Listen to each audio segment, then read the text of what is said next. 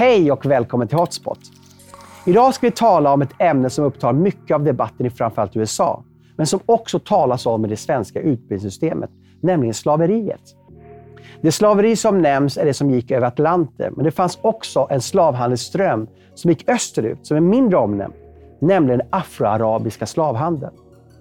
Som dagens gäst har jag Johan Westerholm som nyligen varit i Afrika och undersökt den slavhandel som gick från Afrika till de arabisktalande länderna och Ottomanska riket. Välkommen att ta del av vårt samtal. Hej och välkommen till eh, Hotspot Johan. Oj, hotspot, vad är Ja. det för något? Ja, eller hur? Aldrig hört talas om. Nej, du har väl varit här tolv gånger. Vi har en egen serie faktiskt här, på Okej. Youtube med bara Johan Westerholms program på Okej. Hotspot. Famous last words. Ja, precis. Eller. Ja, Ja. Det kommer ju flera tid, hela tiden tydligen. Men du, eh, tack att du kan komma. Eh, Tack. Du har haft en väldigt speciell vecka den här veckan. Din mor har gått bort. Eh, ja, Mm. Så jag förstår att det inte varit så jättelätt. Nej, då kan jag bara säga en personlig reflektion efter den här veckan. Jag har tappat ett och ett halvt dygn Mm. som jag inte kan redogöra för vad jag har gjort Mm. eller var jag har varit. Eh, och så gäller det nog för alla. Mm. Så, som, alltså nu är det inte bara för att det är just min mamma som har gått bort. Nej. Utan jag tror att det är alle, alltså allmängiltigt att det, det är, förlorar man någon av sina föräldrar Mm. så förlorar man också vartannat andetag. Mm. Du förlorar synen på ena ögat. Mm. Du förlorar hälften av din hörsel. Eh, det, och jag tror att det här handlar inte om just Barbro Westerholm, utan det är nog en allmängiltig eh, ska jag säga, sorgeprocess. Så att jag, jag har haft en eh, lite turbulent vecka, kanske något turbulentare än för andra. Då, men men det är en jobbig process. Och så här långt kan jag säga att jag har blivit mycket, mycket ödmjukare än vad jag var tidigare när det gäller vissa saker. När man står uppe i en den här formen av process, så det, det är ofrånkomligt att man inte påverkas. Mm. Och det tror jag är allmängiltigt. Jag tror jag pratar för alla som har mist en nära anhörig Mm. eller eh, eh, förälder. Mm. Eh, högt älskad. Men, men eh, så är det. Man, marken gungar till. Vi förstår det. Vi Men känner- det är inte det vi ska prata om. Men, Nej, vi ska prata om annat idag. Vi ska tala om den afroarabiska slavhandeln. Eh, och ehm, eh, Vi håller på att byta lokaler här.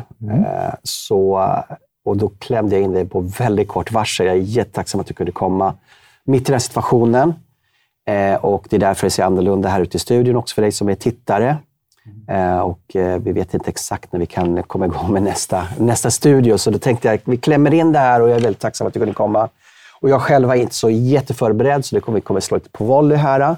Men du kan ju det här ämnet. Eh, och eh, jag tänkte innan vi pratar om den afroarabiska slavhandeln, för du har ju varit nere på Zanzibar och studerat det här. Eh, och du har skrivit en del artiklar i, på ledarsidorna.se. Eh, så tänkte jag att vi ska prata rent allmänt om samtalet om slaveriet. Alltså slaveriet har ju funnits väldigt länge. Alltså de första lagarna, som vi kan se Hammurabis lagar och de här mesopotamiska lagarna, så reglerar väldigt mycket slavhandel. De är 4000 år gamla. Eh, det har funnits hela mänsklig historia överallt. Men när vi talar om slavhandel idag, och man tittar på vad man får lära sig på, i svensk grundskola och gymnasiet, så är det väldigt mycket fokus på den transatlantiska slavhandeln. Eh, och, eller dess, i princip bara det. Och jag tänker så här att man kan ju tala om annan slavhandel med motivering liksom att, ja men what about, liksom, alltså förminska den på ett sätt. Och samtidigt att om man inte talar om det andra så minskar man ju de slavar som långt tid nära in på våran tid. I våran tid. I våran tid, jag tänkte vi ska komma in på det slutet, de som är slavar idag också. Eh, hur kommer sig att vi bara har talat om den transatlantiska slavhandeln och inte den slavhandel som gick eh, från Afrika till eh, Mellanöstern, Nordafrika, som var i princip lika stor? Eh, jag tror att det stora problemet här, det är att vi går in i hela den här slavhandels... Alltså debatten med, med, med ett felaktigt perspektiv. Vågar jag påstå. För vad är det som driver slavhandeln? Är det köpsidan eller är det säljsidan? Eh, alla sedan urminnes tider vill ha gratis arbetskraft, framförallt i Nordamerika, plantageekonomin, som förutsatte mer eller mindre gratis arbetskraft som jobbade tills de stöp. Samma ekonomi fanns flera, flera hundra år tidigare i, på den indiska eh, halvön. Eh, en liknande form av ekonomi med slavar eh, från Afrika. Eh, den drevs i mångt och mycket fram att någon hade arbetskraft att sälja. Och, ja, den, mm. den, indiska, alltså vi har ju aldrig hört jag har inte hört talas om, alltså nyligen, att afrikanska slavar gick till Indien. Ja, till plantagerna. Var det i och med den mongoliska erövringen ja. av Indiska halvön? Ja. man tog med sig den arabiska kulturen av svarta slavar till Indien? Då? Ja, eh, så är det. Och eh, den slavhandeln, vi kommer ju komma in på den, för att den, alltså den som går öst-väst och den som går eh, väst-öst, mm. eh, de har lite olika eh, alltså logiker i sig. Det är därför vi bara pratar om den eh, transatlantiska idag. Men eh, det, det, är ju då att över tid så, så är det ju alltså vartefter eh, man begränsar slaveriet så, är, så, så begränsas den framförallt på köpsidan. Det vill säga att köparna, de nationer, eller de stater, eller de regioner, för jag menar det, över tid börjar man få en moralisk, etisk diskussion i de här eh, eh, länderna. Och säger så här, nej det ska vara förbjudet att köpa slavar. Alla föds fria. Så begränsningarna, de som, det som driver fram ett avskaffande av slaveriet, det sker inte på säljsidan. Att det finns en debatt där, men inte ska vi sälja vårt humankapital eh, som, som livegna. Utan den drivs fram på köpsidan. Och här i det europeiska fallet så är det faktiskt de brittiska missionärerna som driver fram det oetiska i alltså, eh, europeiska kristna som säger att man kan inte handla med människor. Och det är alltså köpsidan som säger stopp, vi ska inte hålla på med handel på, mm. med slavarna. Men säljtrycket finns fortfarande kvar. Mm. Jag tänker, det här är ju, det här är ju liksom synen på människan som ja. driver fram att slaveriet upphör. Mm. Och Det här är ju den kristna synen då, att alla människor är skapade till Guds avbild. Alltså det här, vi, vi ser ju ett, ett avskaffande av slaveriet först och främst i Europa på medeltiden. Ja, 1500-talet tror jag den går tillbaka till. Ja, tusentalet. Ja, tusentalet alltså först, ja, just det. Tusentalet först, första. först har du ju liksom att du inte kan förslava en broder. Så att den kristna slavhandeln upphör och det är därför du får då slaverna som då inte är kristna och därför mm. kommer ordet slav. Mm. De är slaver. Mm. Sen har du ju då William Erövraren. Mm. När han kommer till England så är han emot slaveriet och, och på hundra år ungefär så förbjuder man slaveriet på 1100-talet. 1315 så förbjuds slaveriet i Frankrike under Louis X. om en slav sätter sin fot i Frankrike så blir han automatiskt frigiven. Och det, det, det, alltså, och det är det jag försökte beskriva ja. här. Köpsidan säger förbjud. Mm. Men säljtrycket, då, framförallt på den afrikanska kontinenten, ligger kvar. Det ligger kvar ett säljtryck där. För de har inte den synen på människor? Nej, Nej. Det, det, det, det finns inte. Och det, Bengt G Nilsson, eh, han gestaltar här i sin bok som heter Olja. Där han själv alltså, är på väg genom Sudan eh, finns i förorten. Och då är det en medpassagerare. De sitter på taket som dundrar fram genom öknen. Sitter på tågvagnarna genom taket, för det går inte att sitta i kupén. Eh, dels för att det är trångt, men dels för att den salkas av eh, fartvinden. Och en medpassagerare ramlar av. Och tåget stannar och konstaterar att ja, han, är, han har väl allt ifrån det är bara köttfärs kvar av honom, men han lever fortfarande. Och han, Bengt blir så förvånad över liksom att det är ingen som... Alla ser att han är döende, men det är ingen som går fram och ger honom någon form av alltså, sista smörjelsen eller håller honom i handen eller försöker liksom rädda livet. Utan det, ja. En likgiltighet för En likgiltighet för ett ja. äh, liv. Ja.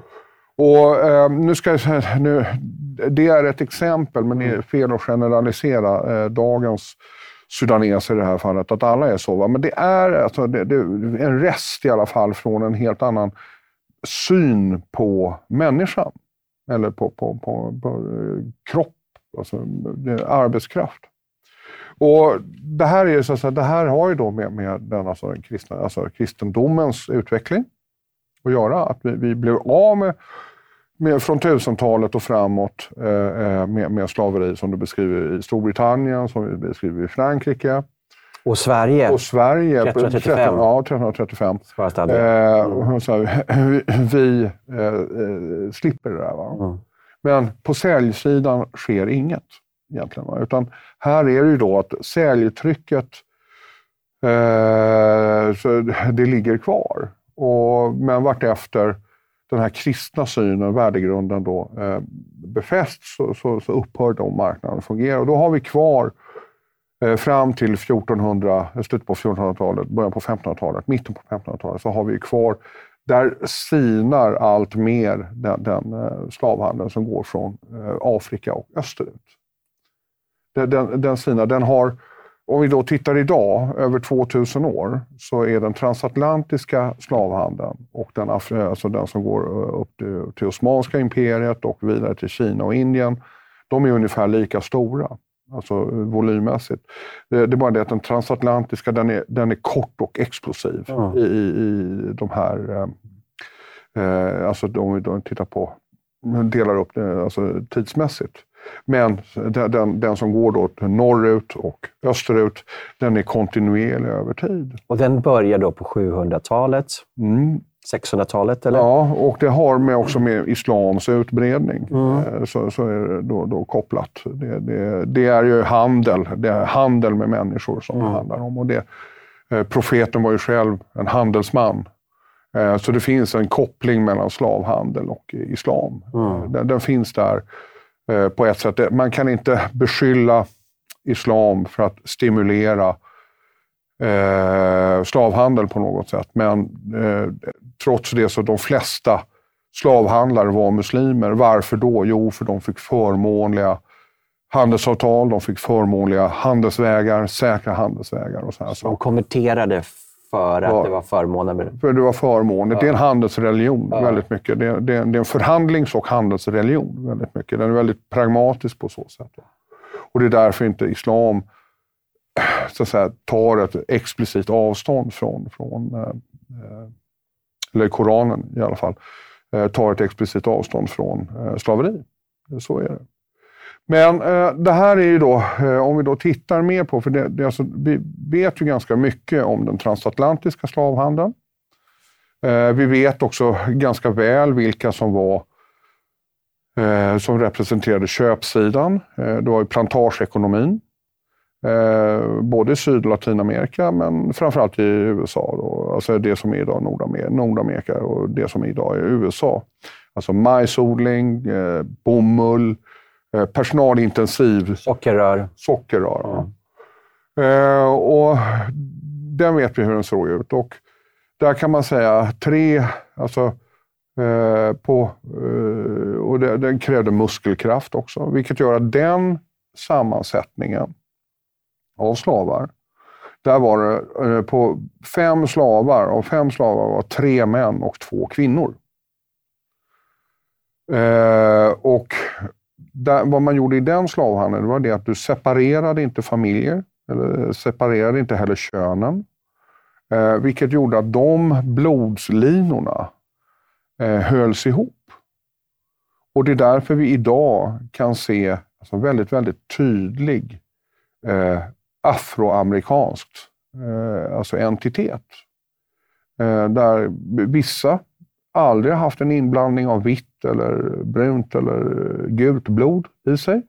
Utan de ser minst lika mycket ut som afrikaner som en afrikan gör idag, som aldrig har lämnat kontinenten. Eh, de hålls intakta. Eh, du förbjuder inte så att säga, eh, eh, dem att ha sex med varandra. Och det är därför den här debatten är ett så påtagligt spår av slaveriet som finns kvar idag, 200 år efter. För du har representant som kan tala för sina förfäder? Japp, som, som är representant. Vi kan se att det är en representant. Mm. Den som gick eh, väst-öst, den hade ett annat, eh, en annan sammansättning. Där 75 procent av eh, slavarna var kvinnor. Och männen blev oftast kastrerade, men de blev i alla eh, fall eh, skilda från sina gamla, eh, ja, kan man säga, nu, nu rasism är, är så här, rasfrändare, någonting sånt, men alltså, man skilde männen, kastrerade dem. Antingen så blev de soldater i arméer eller också så blev de en del av den, de spillror som fanns kvar av den typen av plantageekonomi. Men man separerade de här. Kvinnorna blev hushållsslavar eller sexslavar. Och Det här innebär ju per automatik att de blodslinorna blir utblandade mm. över tid. Så vi har i, även fast det här är alltså lika stor, över då 2000 år i och för sig, eh, del, så har, vi ser inga tydliga spår efter den typen av slaveri. Eh, du ser inga, det här slaveriet gick ju som Indien, men även så långt bort som Kina. Du ser inga afrokineser direkt. Nej. Men vad hände då med de här barnen? Det blev inte bara flickor, det blev ju även pojkar. Kastrerade ja. man då också då? Ja, vissa gjorde man det, men, men även där så men det, det är en mycket längre tidsperiod ja. också. Men, men, man separerade dem i alla fall på, mm. på, på, ett sätt som gör att vi ser inga spår. Det finns de bara, blandas ut. De blandas ut i alla fall. Det finns bara en bevarad entitet. Och det är den lilla, lilla gruppen afropalestinier den är inte utblandad. Utan det var när man då avskaffade slaveriet, början på 1900-talet, eh, helt och hållet, så var det då en leverans på sig, någonstans, det var några hundra slavar. Eh, som blev dumpade i Jerusalem. Och en morgon så kommer man till fängelset där de här förvaras och låser upp alla celldörrar. Ja, varsågod och kom hem. Eller varsågod, gör vad ni vill, ni är fria. Och de här visste ju inte ens varifrån i Afrika de kom. Mm. Alltså, vad, vad, skulle de göra? De hade inga pengar. Eh, de visste inte var de var. De visste inte varifrån de kom. Så de stannade kvar. Och idag finns den här lilla, lilla gruppen. Den är, om jag inte är helt fel nu, eh, eh men runt 2000, mellan 2 och 4 000 afropalestinier som är tydligt afrikaner. För de har behållit sina alltså inbördes relationer. Bor de i gamla Jerusalem? Japp. Är det något gammalt fängelse? Eller vad? Ja, det är ja. två kvarter. Alltså ja. det är väldigt isolerat. Ja. Och Det är därför du också kan se hur, hur eh, eh man har nu sedan BLM-rörelsen. Du kan se George Floyd mm. eh, på, eh, som muralmålning på den här muren, som, så den här säkerhetsmuren eller vad det nu heter, som går med, mellan eh, eh, Västbanken och själva Israel. Då. Eh, där kan man se, och vad gör George Floyd där? Jo, för BLM-rörelsen har på något sätt kapat afropalestiniernas eh, situation. Och afropalestinierna, ja, det var ju gamla arabiska slavar. Det är ju inte så att araberna tycker så otroligt mycket om gamla slavar. Det är ju mer påminnelse av sin Men här har man lyckats skruva den debatten. Men det är det enda stället du ser alltså tydliga spår mm. av den slavhandeln. Och det är av en ren slump så jag menar, de, åter, de, de, de fastnade där och de beblandade sig inte vare sig med eh, judar eller araber, utan de höll sig till, till, till sin egen, ja, sitt eget ursprung, om man mm. uttrycker sig på det mm. sättet. Och, eh, så det finns inga spår. Det finns inga fysiska spår idag. Och ingen som talar för deras sak och påverkan. Och ingen talar för deras sak och påverkan, för de är så pass kan man säga, assimilerade, uppblandade idag. Så att det är ingen som, som egentligen vare sig bryr sig eh, eller engagerar sig i deras sak. Va? Förutom då afropalestinierna. Och vilka är det som man ska klandra där? Ja, det är ju då egentligen de sista arabiska eh, köparna. Eh, egentligen, att de inte gjorde någonting. Eller då säljarna, kan man säga. För det är någon som hade tänkt att sälja de här. Då. Mm. Eh, som inte fullföljde sitt moraliska, etiska ansvar att återbörda dem till, till afrikanska kontinenten eller se till att de eh, på något sätt kom vidare. Ja. Varför talar man inte om det här då i skolan? Vi har ju då så att säga afroamerikanerna som talar för sin egen sak i, i USA. Eh, men i Sverige så eh, vi, vi, vi är ju inte kopplade till Amerika, vi har inte den historien. Eh, vi får ju in folk mycket nu från Afrika till Sverige också. Eh, varför lyfter man inte upp den här sidan också i skolan? Jag, jag hör ju väldigt lite av det här. Den, som sagt, ström, ström, handelsströmmarna var ju i princip lika stora åt båda hållen. Ja, jag har inget vettigt svar på det annat än att jag kan bli, bli uh, riktigt förbannad på det. Mm. När jag står i Stone Town, mm. uh, går till den gamla marknadsplatsen för slavar. Alltså det är en, en när, man, när man går in där... Genom Stone Town på Zanzibar. Stone Town på Zanzibar. Mm. Eh, när man går in där, eh, så, så den marken är mättad med blod. Eh, det är nästan samma känsla eh, tycker jag. som när man går ner i cellerna och ser de här små, små cellerna när man trycker in människor. Alltså det finns inte liggplats. Alltså de sitter. De tvingas sitta på huk. Eh, med, med, med alltså djupa diken som är fyllda med avföring. Eh, det, det, är alltså en hemsk syn. Eh, de här, och idag, och idag är det liksom uppstädat så att, för att de ska kunna ta emot. Och det, alltså jag kan bli ganska upprörd över att det här är en historia som inte berättas i, i, i Sverige. Och, och vi svenskar vi får en skuld som jag tycker är helt irrelevant i, i den här kontexten. För att det är som sagt att vi Eventuellt så representerade några av våra förfäder representerades på köpsidan. Men det blev förbjudet ganska tidigt. Mm. Men räckte med 500 slavar ja. som möjligtvis skeppade över till ja, USA. Ja, ja, men det är ingen som pratar om säljsidan. Och säljsidan, det är alltså de afrikanska handelsstammarna, då som, de som också konverterade till islam. Och där har vi en, den som eh, har ett väldigt stort ansvar för eh, den transatlantiska eh, slavhandeln på säljsidan och det är alltså klanen Babembe som är då, eh, från Burundi och Kongo. Och det är fortfarande väldigt krigiskt eh, folk.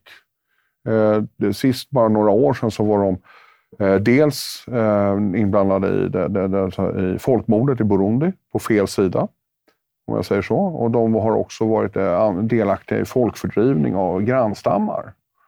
Eh, och de var väldigt aktiva på säljsidan i den eh, transatlantiska slavhandeln. Vi pratar ingenting om det. Mm. Jag säger inte att deras svenska ättlingar ska gå omkring med, med, med den skulden som deras, i det här fallet ganska nära, farföräldrar hade.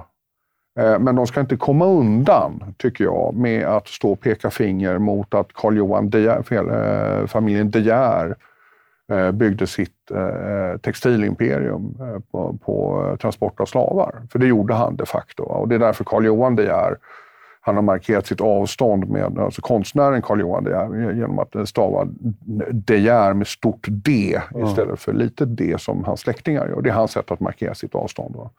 Men, men, men, vi pratar väldigt, väldigt lite om säljsidan i det här. Mm. Och det är där jag tror att eftersom vi inte gör det, vi pratar bara om köpsidan.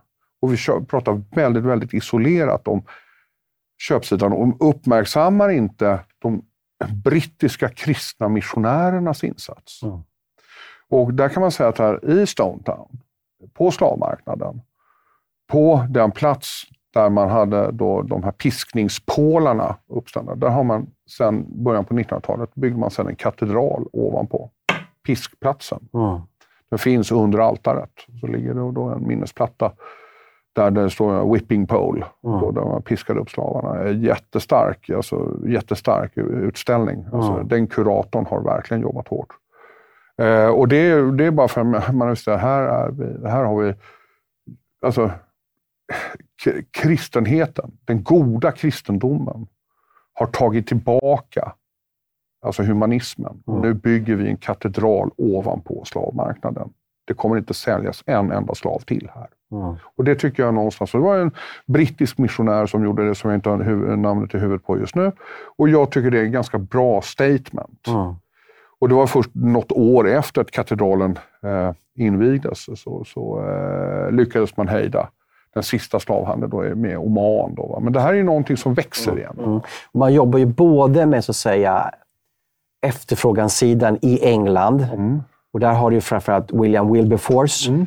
och Thomas Clarkson som driver fram eh, Slave Trade Act 1807 mm. där det blir förbjudet att handla slavar i brittiska imperiet. Mm. Och sen slutligen också 1833 Slave Abolition Act som alltså förbjuder slaveri överhuvudtaget i hela brittiska eh, eh, imperiet. Eh, men jag tänker, ganska intressant är ju då det här med att stoppa på då säljsidan, som du nämnde, och missionärerna jobbar där. Men man har ju också någonting som, som den brittiska staten involverar sig mitt i Napoleonkriget och det är ju West Africa Squadron. Mm. Ja, där, måste jag säga, där, måste jag passa okay. lite grann. Ja. Ja. Ja. Okay, ja, men det, var, det var ju alltså brittiska, brittiska flottan då avsatte ju skepp mitt under Napoleonkriget. Nu klickar det. Ja. ja för att jaga eh, slav, eh, slavskepp. Slavskepp, ja. Och de fritog ju 150 000 slavar. Just det. Och många mm. i, på alltså, alltså the Eastern Route, alltså ja. Zanzibar och hela den rutten. Det här finns väldigt väl beskrivet i den, ni som åker till Zanzibar, mm. besök Stone Town, besök den utställningen. För det här, det du beskriver nu, mm. det är otroligt väl dokumenterat. Mm. Hur man alltså Eh, eh, eh, kapar de här DAOs, de här slav-DAOs som, som, seglar alltså norrut för att leverera slavar till den arabiska halvön och eh, för vidare transport då, eh, österut då, och även norrut då, till Anatolien. och så mm. eh, och Det här är väldigt väl dokumenterat, för då kommer de första kamerorna nämligen. Mm. hur man alltså både friger och ger omvårdnad av de här slavarna som är i ett väldigt, väldigt dåligt skick och hur man sedan då fängslar eh, cellsidan mm. eh, alltså, så, eh, och slår dem i bojor. Eh, och jag kan säga så här att det var inte vita medelålders män som blev slagna i bojor, utan det är afrikanska eh, klan och stam eh, överhuvuden mm. som slås i bojor. De, de som alltså, representerar säljsidan. Mm. Eh, och det här pratas det ingenting om. Nej, precis. Och den här utställningen som är då i Stonetown, mm. den skulle jag vilja visa på till exempel Historiska museet eller Etnografiska museet. Eh, den här är stor. Eh, den, och den har, alltså pratar vi om paralleller till idag. Mm. Idag har vi ju slavhandel, de facto. Vi mm. har trafficking. Mm. Där det, alltså vi har en köpsida bestående av torskarna som köper sex. Och vi har en säljsida som består av eh, hallickar. Mm som handlar då i det här fallet med kvinnor och barn. Mm. Alltså, det finns ganska starka paralleller med det som de här, det du beskriver nu. Då. Mm. Eh, den här, alltså, det, här, det här sker under eh, fem, tio år. Mm. Alltså, så jagar framförallt britterna Just det. Eh, de här Dowsen. Och där kan man säga att på, på köpsidan, de, de ligger väl någonstans mellan köp och säljsida, eh, så finns det då tyskarna och de vill inte ha den här utvecklingen. Eh, de tjänar pengar, men av olika skäl så har de inte fått några kolonier i Afrika och de är skitsura över det och då försöker de profitera ändå på den afrikanska eh, kontinentens råvaror. Och det enda som tyskarna då kunde liksom bryta sig in i, det var i slavhandeln. Mm. Så tyskarna var väldigt, väldigt, eh, alltså, av de europeiska länderna så var de, där kan vi prata om en aktiv part. Mm i, i, av europeer i slavhandeln. Där vi ser, men vi ser de andra som fransmän och britter som vill bekämpa slaveriet. Precis. Där är inte tyskarna. De kommer långt, långt senare. Men, eh, om de kommer överhuvudtaget kan jag säga. Och, och det intressanta med West African Squadron är ju att de är ju så framgångsrika att bekämpa slavhandeln mm. på västkusten i Afrika. Och de, alltså de, attackerar ju, de tar inte bara skeppen, utan de attackerar ju också slavhandelsplatserna. Mm eh, och hotar de här säljarna. Mm. Eh, och till slut så upphör den här försäljningen och då beger man sig över i Indiska oceanen för att fortsätta där fram till 1867 tror man ja. lägger ner den till slut. Då. Men, men det här är ganska eh, eh alltså det är dramatiskt. Just den passagen i den här stora, stora utställningen som den tar några timmar att ta sig igenom. Mm. Man är inte helt jättemorsk efter att man har gått Nej. igenom den. Eh, den kan jag verkligen rekommendera. Det skulle ja. vara kul för här finns det då en, en relation just med, mellan Sverige och Zanzibar. Ja.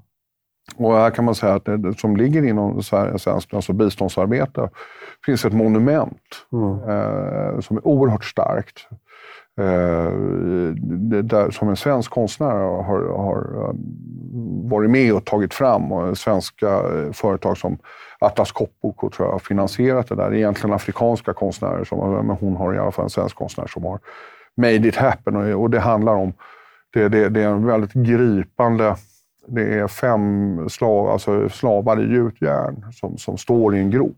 Mm. Eh, man ser att det är slavar och där, man har också hängt på dem, alltså originalbojorna. Och, och då är det en som är befriad av de här. Det är ett väldigt starkt monument. Liksom. När du var i Zanzibar, var det någonting som överraskade dig? För du spenderade väl en fyra, fem dagar där och grävde i arkiven och studerade? Mm, någonting, det var en öppenhet kring slaveriet. Mm.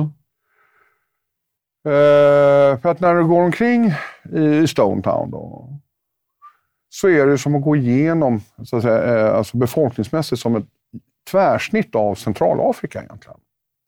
För det är inte så att varje person på den afrikanska kontinenten är lik varandra. Man ser att där har vi massajer. De har ett speciellt eh, utseende. Där har vi sudaneser eh, också somalier. Du kan identifiera att den där personen borde inte, det är inte ett naturligt habitat. Och du ser eh, personer som har centralafrikanska rötter också, som är eh, alltså, mörkare, mer satta, man, huden har en annan textur. Eller då en annan, och när jag pratade med de här så sa jag, ja, ja, men, men jag vet, liksom, jag ser på mig själv att jag är ättling till en slav. Mm. Det ser jag. Mm men jag har ett tanzaniskt namn. För i och med den här frigörelsen som vi pratar om, som då ligger, ja det är inte långt bak i tiden, så, så de här som landade, till och med på Zanzibar, vi visste inte varifrån vi kom. Det är samma sak som det där med afropalestinier. Alla såg på oss att vi var någon annanstans ifrån. Man kunde höra det på den tidens namn. Men eftersom vi insåg, eller mina farföräldrar insåg, att vi kunde aldrig återvända så tog vi oss andra namn istället. Mm. Idag är vi tanzanier, men alla ser att vi är någon annanstans ifrån. Och Det här bildar ju ändå, tycker jag, en, en, en ganska fin eh, alltså stämning som jag bara liksom mött på i Madrid faktiskt. Vi är inte här frivilligt. Vi kommer inte ens härifrån. Men, vad, men då finns det väl inga skäl att vi ska försöka slå ihjäl varandra för det. Mm. Alltså, vi delar någon form av mörk historia och låt oss göra det bästa av situationen. Det enda jag kan se, förnimma, men det här har inte jag riktigt belägg för, det är det att massajerna, de håller sig lite mer på sin egen kant. Mm. Det, det, kan jag säga. Men det övriga är, okej, okay, vi har den här historien. Vi är antingen gamla slavar eller också är vi tidigare slavhandlare. Eh, vi har hamnat här, vi har tanzaniska namn, men alla ser på oss att vi har en annan bakgrund. Men ja, so be it. Mm. Det är en läkeprocess som är eh, inte helt okomplicerad. Eh, samtidigt så känn, fick jag intrycket av att man har accepterat sin historia. Man har, att man inte får fram allting. Man har mm. också accepterat det ödet mm. och kan då möta det på ett annat sätt. Mm. Man kan sätta den stämningen i kontrast med vad som råder i Nigeria. Nigeria består av 200 olika stammar mm. som hatar varandra more or less. Eh, där, där är det ju, alltså där är det, och det enda som jag pratade med stabschefen för de nigerianska eh, säkerhetsstyrkorna. Och han sa det att det enda som håller ihop oss, det är vetskapen vad som skulle hända mm. om släppte lös allt våld, mm. alla aggressioner som finns mellan de här stammarna. Finns det någon liksom uppgörelse i Afrika med att man sålde andra stammar? Alltså, tyskarna har ju sin Vergangenheitsbewältigung, alltså efter kriget så gjorde man upp med nazismen, gjorde upp med sin historia. Mm. Finns det något liknande i Afrika? Mm. Eh, nej, eh, både ja och nej. Mm. Eh, det finns... Det, det, är lite grann elefanten i rummet. Det är någonting man inte pratar om. Mm. Eh, alla vet vilka klaner och stammar som var slavhandlare. Jag pratar om Babembes. Alla mm. vet det. Fortfarande en mycket, mäktig eh, grupp. Vi kanske ska lägga till också när det gäller Babembes att de har ju också varit ledande i Svenska Afrikanska, eller Afro, Afrosvenskarnas riksförbund. Ja, eh, Ja. ja. Mm. Eh, och eh, det, är ingen som utmanar dem Mm. eh, ens i, i, i, Kongo eller Burundi. Men vi, vi har andra, man försöker adressera det här bakvägen.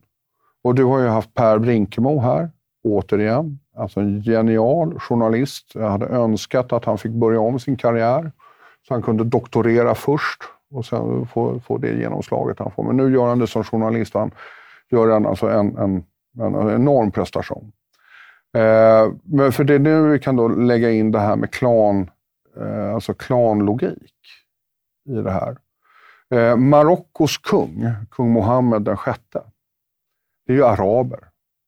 Eh, de har ju nu påbörjat en försoningsprocess med berber och tuareger, Mm. alltså bergsfolken. Kungens första hustru är berber.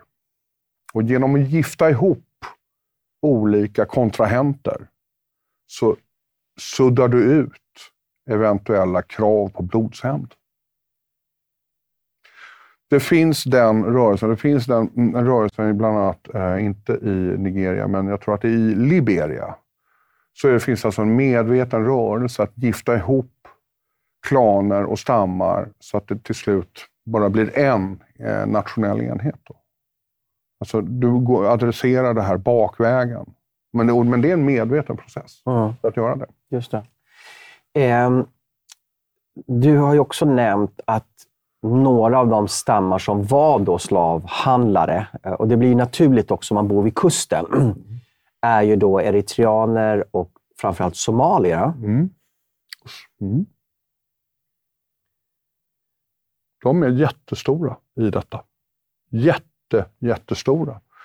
Så att när vi tittar ut här eh, i ja, nordvästra Stockholm, där vi sitter nu, eh, så har vi säkert ett hel skrälldus med gamla slavhandlarättlingar.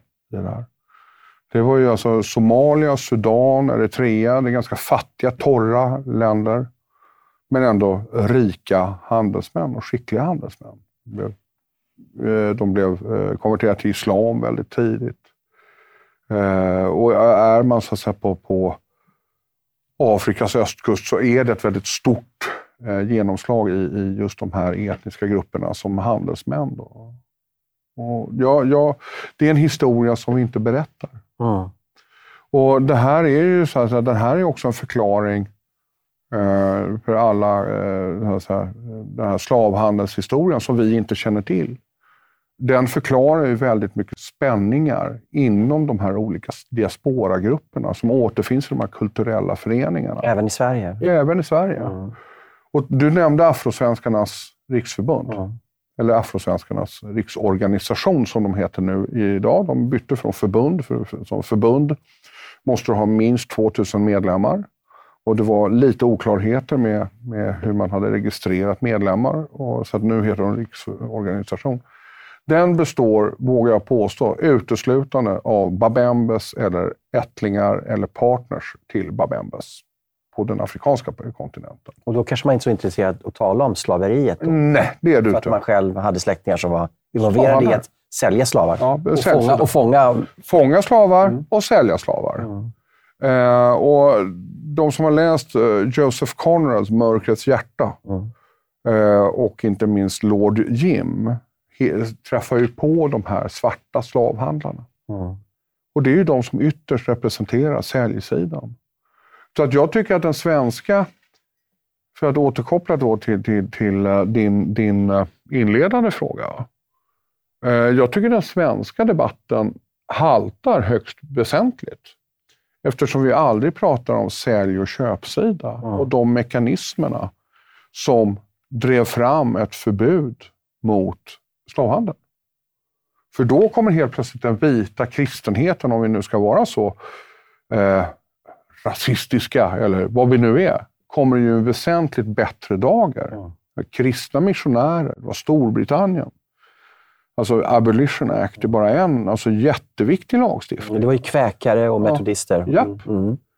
Eh, och, och Det var ju de som drev fram det. Det var, det var inte någon på sä- säljsidan som var drivande där. Det, många från säljsidan som idag står och förbannar den vite mannens skuld i den transatlantiska slavhandeln. Ja, den vite mannen hade en skuld. De som utnyttjade det här för att eh, liksom tjäna pengar. Det var, fanns en möjlighet. Eh, det, det, är, eh, det, det, är klart, men alltså, det finns ingen produkt som kan köpas om det inte finns någon som vill sälja den. Det är fler som har skuld i det här, det är det du vill säga. Ja. Man kan inte ensidigt säga att det var de vita människorna, utan det var... Alltså det är hela, hela logistikkedjor. Ja, ja. Alltså, och, och, då är då alla, och det, det, här är ju då, om vi då tittar, nu är, är eh, jag är ganska engagerad i, mm. i ett annat sammanhang i, i eh, det här med fosterhemsplaceringar. Mm. Eh, och den avreglering som skedde av den här typen av placering med, med av LVU-placerade ungdomar och så här. Jag vågar påstå, eller jag påstår nu är jag provokativ, att många av dem som har gjort sig stora förmögenheter på det här, det där är ingenting annat än handel med unga människor. Det är vad det är.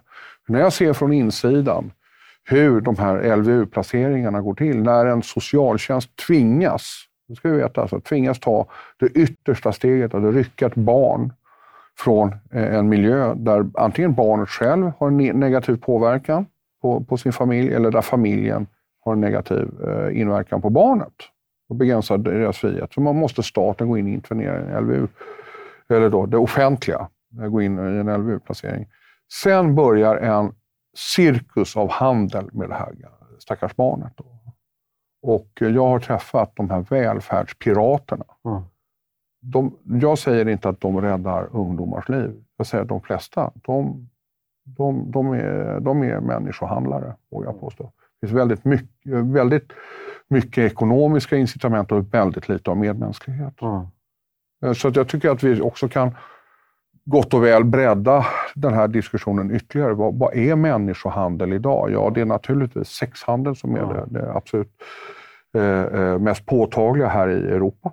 Eh, men vi har också annan form. Vi har arbetskraftshandel, vi har ju då olika kategorier av slavar här. Va? Men, men, men alltså det här fotbolls-BM till exempel. Va? Alltså det byggdes ju, alltså de, stadier, de fotbollsanläggningarna de byggdes egentligen av moderna slavar. Va? Jag tänker att vi ska komma in på det här mer. Ja. Vi ska ha som avslutande diskussion och gå in lite mer i detalj i det här. Eh, men innan, innan vi liksom i kronologin hamnar där så skulle jag bara... Du nämnde en sak för mig tidigare, det var nog så ett år sedan, att de som blev det som kallas för house negroes ja. i USA, de blev house negroes för att de kunde läsa och skriva. Och räkna. Och räkna. För att de själva var slavhandlare, eller? Eller alltså hade så att säga, fångats in för att de hade ett visst värde med de här kunskaperna. Och var har de skaffat de kunskaperna? Ja, genom, genom alltså, eh, koranskolor. Oftast. Alltså, på den tiden, de skolorna där ungdomar, oavsett kön, kunde tillgodogöra, till, alltså, tillgodogöra sig den typen av utbildningar, alltså läsa, skriva, räkna, mm. fick du ju bara inom så att säga, madrasas, alltså koranskolor, alltså i form av den här alltså, konverteringsprocessen. Och eh, en 14-15-åring som kan läsa, skriva, räkna har ett oerhört högt värde på, för köpare.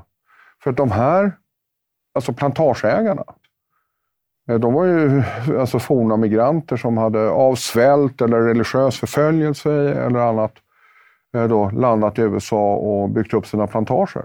I södern. I södern. För det, är intressant. var, just det, för det var inte alla som kunde vare sig läsa, räkna eller, eh, läsa eller räkna på en tillräckligt hög nivå för att kunna driva en plantage. Nej. Och det intressanta är ju också att om du tittar, bara som en slump, jag tittar på befolkningssammansättningen i USA från dess grundande, mm. så har du i princip inga slavar någonsin på nordöstkusten. Alltså Maine och Vermont och de här. Utan det är framför allt i några enstaka stater där du har slavar. Mm. Precis, och det är plantageekonomi. Ja. Men de här så att säga, house negroes, som jag vet Sveriges Unga Muslimers eh, sista ordförande mm. eh, uttalar sig otroligt raljerande om. Ja, House Negroes, de hade en hög status. Men det var också för att de var de bäst utbildade. De hade en bättre bildning än sina ägare. För att det krävdes då den kunskapen i att läsa, skriva, räkna för att driva en plantage. Mm. Så det var ju alltså, det var inte bara det. Och där fanns det väl också inslag av sexslaveri och, och sådana saker vi kan se på gamla filmer och, och med den här svarta hushållerskan eller kokerskan eller hembiträdet eller vad det är va, som springer omkring där i kort kjol och, och vitt förkläde. Men, men, men, men, men alltså, huvuddelen av det här, alltså House Negroes, det var ju för att de hade en bättre bildning än sina ägare. Och de hjälpte vi till också att hålla koll på plantageslavarna. Ja, ja, och där, så att de tog med sig en hierarki, mm. kan man säga. De tog med sig den hierarkin från sin ursprungskontinent till alltså, slutdestination. Förblev de muslimer? Alltså, ingenting... Nej, nej, på något nej, sätt, nej, bara, nej, alltså, nej, nej, många blev ju då kristna ja. eh, i samband med, med, med eh, med, med att man avskaffade mm. slaveriet. Och där, där ser man de här baptistförsamlingarna. Mm. Alltså, de här tycker jag är väldigt suggestiva och rätt roliga att delta på. Jag har varit med på en när jag bodde i USA. Liksom bara, Hög intensitet. Ja, oh, det, det, det är så lite läbbigt är det faktiskt. Jag, menar, det, jag vet att du har en intervju med, med, med, med, med Jens Galman och Mustafa Panshiri efteråt. De beskriver det i första kapitlet lite grann vad de förväntar sig. Det men, men, men, alltså suggestivitet och sådana saker, men i ett annat sammanhang. Eh, men det är väldigt, väldigt spännande. Mm. Det, det, är, eh, men ja, det, det vill säga att alltså, det här med, med eh, vad, vad, hade en house negro för funktion? Det var inte så att han svek. Eh, för det vill den här, alltså den här eh, förre ordföranden alltså, eh, påskina, liksom, mm. att de sviker sina bröder. Ja, det är, men det är nog inte så lätt där på 1700-talet. Liksom, och kan du, du får ett bättre liv. Liksom, mm. och, och det, vad är alternativet? Och vad är alternativet? Mm. Men framför allt det här med varför blev de? Och det var ju för att de hade bättre bildning än sina förmän, vita förmän och sina ägare. I många fall ägare. Mm. Det, det... Men, men, det kan ju också vara så att vi talar just om den transatlantiska slavhandeln för att den var, den var klart rasistisk i den bemärkelsen att vi bara hade svarta. Att annan slavhandel så skilde man inte på hudfärg, utan det här var att man såg ner på svarta människor som ja. mindre, mindre värdefulla varelser. Oh ja, alltså det ja. fanns alltså tydliga rasistiska eh, övertygelser eh, där som är, är, det går inte att komma ifrån. Nej. Eh, alltså på köpsidan så fanns det tydlig, alltså mm. tydliga rasistiska vanföreställningar. Eh, och det är väl det som man ska bejaka. Mm. Eh, eller säga så här, ja, det där, vi ska vara medvetna om det där. Och jag säger inte att den köparsläkt kan man säga som idag, det är inte så att jag, jag kan begära av dem att de ska gå omkring och piska sig själva på ryggen för en arvsynd som jag anser att ja, det är tveksamt om den ens finns. Va? Eh, och, men vi ska vara medvetna om den. Det, där har man en poäng mm. eh, från afrosvenskarna. Alltså det, där har man på att den slavhandeln hade rasistiska inslag. Mm.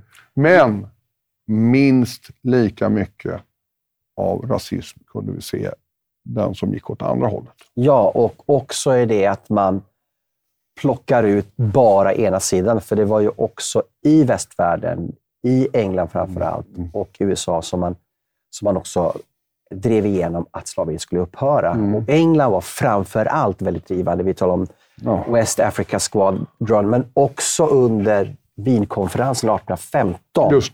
så driver England igenom att alla länderna som är vid Wienkonferensen ska se till att slaveriet upphör. Så man drev det här väldigt, väldigt hårt. Så att liksom, mm. man, ska, man måste ha båda sidorna. Man måste ha båda sidorna. Och det är just den här andra sidan som jag saknar. Just det, mm. vad är det som händer på köpsidan? Mm. Man, man får igång en debatt man kom fram till att nej, vi, måste, vi, vi kan inte fortsätta med det. Mm. Det, det, det, är omöjligt. Va?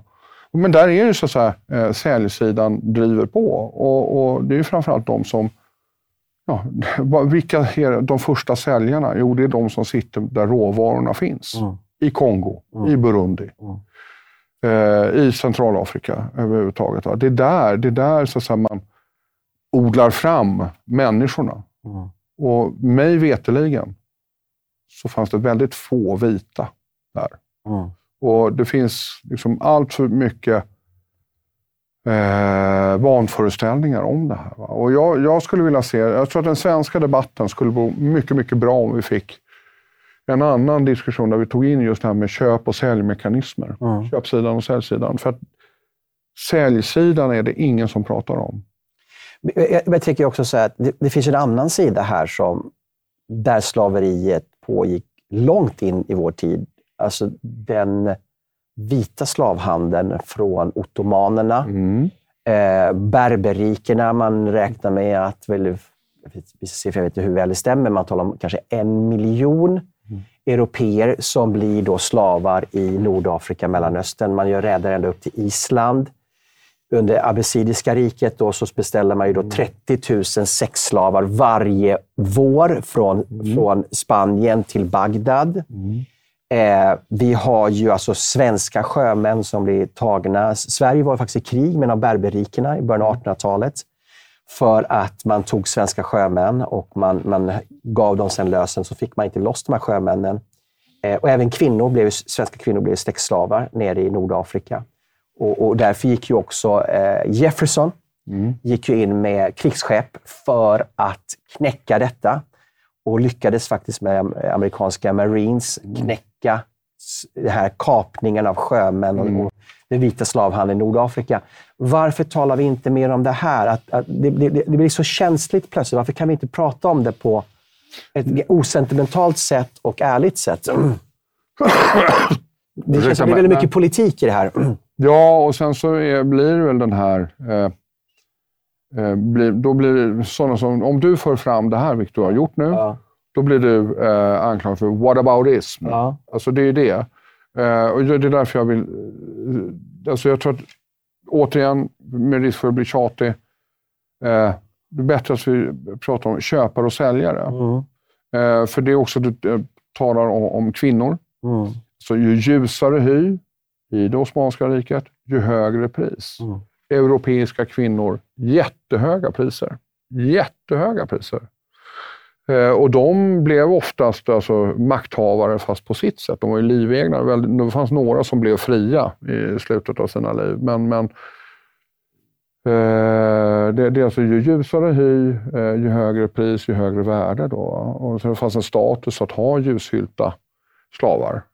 Och på den köpsidan. Så att jag, jag, skulle vilja ha en annan debatt. Och jag tror att det enda sättet att komma bort från det här med whataboutism mm. och sådana saker, det är att säga med köpare och säljare. Mm. Vilka var säljarna? Och vilka var köparna? Mm. Det tror jag är vägen framåt. Vi har några minuter kvar och jag tycker liksom, vi kan inte prata om slavfrågan utan att prata om slavfrågan idag. Mm. Eh, ILO räknar med att det finns 50 miljoner slavar i världen idag. Mm. Jag tror det är 21,3 miljoner räknar man med är eh, tvångsarbetare. Mm. Eh, av dem är ungefär 3,5 miljoner barn. Mm. Eh, man räknar ungefär med 22 miljoner kvinnor som är tvångsäktenskap. Och alltså då sexslav, hushållerska. Mm. Eh, 7 miljoner inom sexhandeln, alltså mm. tillsammans 50 miljoner. Alltså mer slavar det finns mer slavar idag än någonsin. Du nämnde Qatar.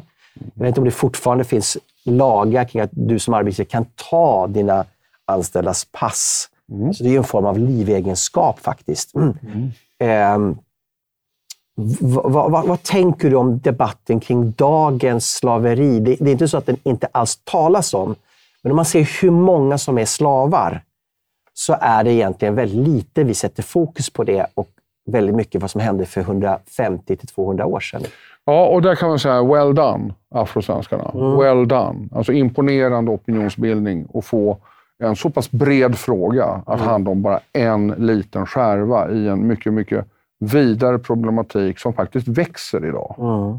Eh, alltså vi har många av de tidigare slavhandlare på säljsidan, då, slavhandlarstammarna i Afrika, de har nu fallit tillbaka och, och handlar med barnslavar igen. Eh, men det slaveriet ser annorlunda ut. Mm. Eh, när de här barnen har, har vuxit och blivit så pass stora så att de har alltså, det, det, inte finns något ekonomiskt värde i den för den businessen, det vill säga gruvdrift till exempel, där det är bra barn eh, kan krypa i små, trånga gångar. När de har vuxit ur de här gångarna, och det är då eh, så här gångar där man eh, eh, gräver fram jordartsmetaller som vi behöver till våra elbilar och allt vad vi vill ha. Då dumpas vår, de. Är den gröna, eh, gröna ekonomin i vår tids bomullsfält, Ja, faktiskt är det det. Ja. Faktiskt är ja. det Alltså den gröna ekonomin, mycket, alltså, eller en icke försumbar del av den gröna ekonomin baseras på någon form av slavhandel idag. Mm. Och då får vi se hur roligt är det att sätta dig i din Tesla? Mm. Om det är på det sättet. Alltså hela tiden, alltså kan vi ta ett marknadsekonomiskt anslag mm. på den här debatten, då tror jag vi kan komma vidare alltså med, ett, det, det, det, alltså med ett humanistiskt perspektiv, du säger kristet perspektiv. Jag, jag har inga problem med det. Eh, så, så det här är inte okej. Okay. Mm. Och, och, jag tänker också att den finns där utan att vi ser den. Jag tänker på när man åker till Thailand och man sitter på stranden och käkar på kvällen och man ser de här fiskebåtarna utanför och, mm. fiskar eh, eh, de här bläckfiskarna. Mm, som du äter till lunch dagen efter. Ja, det är ju faktiskt burmesiska slavar. Ja. Personligen känner jag en som var slav. Där han försökte fly två gånger. Ena gången blev han slagen och hans kompis blev skjuten och dumpad i sjön. Och andra gången lyckades han fly och eh, vi var medarbetare. En jättehärlig kille. Då. Men han var slav i sju år på ett thailändskt fiskefartyg. Mm. Där vi som turister tittar på det och tycker det ser så mysigt ut på kvällen. Mm. Eh, Abby Åkvist är en kvinna som var då, hon var fyra år, hon fyra år slav, heter hennes bok. Bor här i Sverige och kom mm. från Etiopien. Hon bodde i en hundkoja från fyra års ålder och var hushållsslav. Mm. Det finns mitt ibland oss. Ja, det finns mitt ibland oss. Alltså min dotter, hon, pratar, hon är nu drygt 30 år gammal. Ja. Och första gången hon och jag eh, gjorde en egen utlandsresa eh, var hon sju år gammal. Eh, samma år som jag, då var vi i Marocko och vi var kommer inte ihåg så säga, vilken stad vi var i. Vi var inte i Marrakesh, men vi var någonstans eh, långt ut på landsbygden och gick in i en av de här sock, eh, socken som hade egna liksom, smedjor och sånt där. Och så sitter de och tittar på en pojke som sitter och ja, eh, bankar på någon stålbit eller någonting sånt där. Och så sitter de och tittar och så får de syn på foten. Mm. Då sitter de med en boja runt foten. Va? Och sju år gammal, noterar det och sen sätter vi oss i bussen och så pratar vi om det. Mm. Då sa Fia, du har precis sett en slav. Var det en slav, pappa? Och Då förklarade jag det. Och då sa men varför befriade du honom inte? Jag sa, ja. Mm. Jättejobbig diskussion. Mm. Och det där är, är ett minne som hon, hon tar med sig. det. Så hon tar med sig det. Mm. Och både, jag både ångrar och inte ångrar att hon fick redan vid unga ord, år se en barnslav på riktigt. Mm. På riktigt.